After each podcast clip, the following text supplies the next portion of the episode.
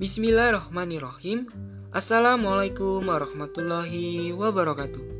Baiklah, sebelumnya perkenalkan nama saya Gilang Permana dari program Studi Pendidikan Kewarganegaraan tahun 2020B dengan nomor induk mahasiswa 2009107.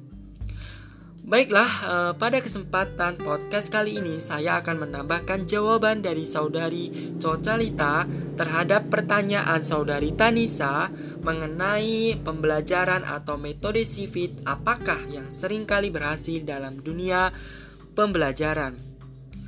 Perlu kita ketahui bahwa metode ataupun pengajaran sifit itu terbagi menjadi dua, yaitu fakulti psikologi dan fight psikologi.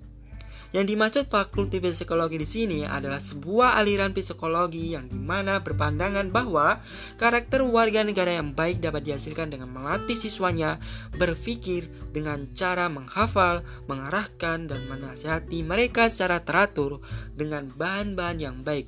Sedangkan metode sifit yang kedua yaitu fight psikologi adalah aliran psikologi medan yang beranggapan bahwa mengajar secara doktriner bahan-bahan yang bernilai etika untuk membentuk good citizen sehingga pembelajaran lebih humanis karena memperhatikan aspek-aspek sifat manusia yang pada hakikatnya sejak lahir sudah ada dan memiliki potensi untuk berkembang.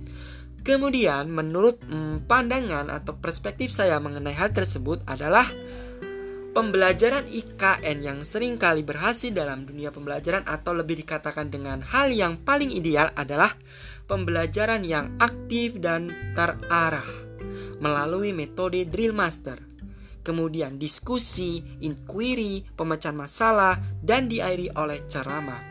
Mengapa demikian saya mengatakan hal tersebut? Karena menurut saya dalam pembelajaran sivil atau khususnya ilmu keluarga negara ada sedikit kata membosankan bagi siswanya mengingat sebagian banyak materi berisikan sejarah-sejarah Indonesia dan lain-lain. Ini perlu susunan yang ideal.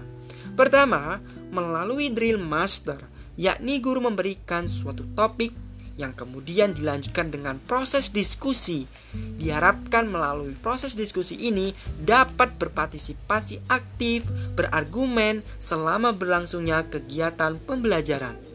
Selanjutnya adalah melalui inquiry di mana siswa dituntut untuk berpikir kritis terhadap masalah yang diangkat atau topik yang sedang didiskusikan.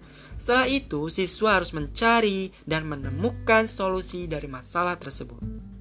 Lalu, apakah fungsi ceramah di sini dalam pembelajaran?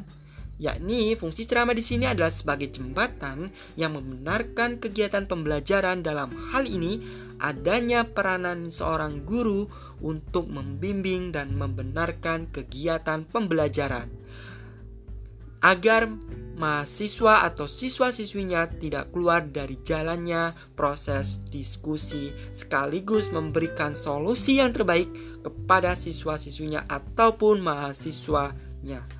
Itulah pendapat mengenai uh, metode pengajaran sivil yang paling berhasil dalam dunia pembelajaran menurut perspektif saya.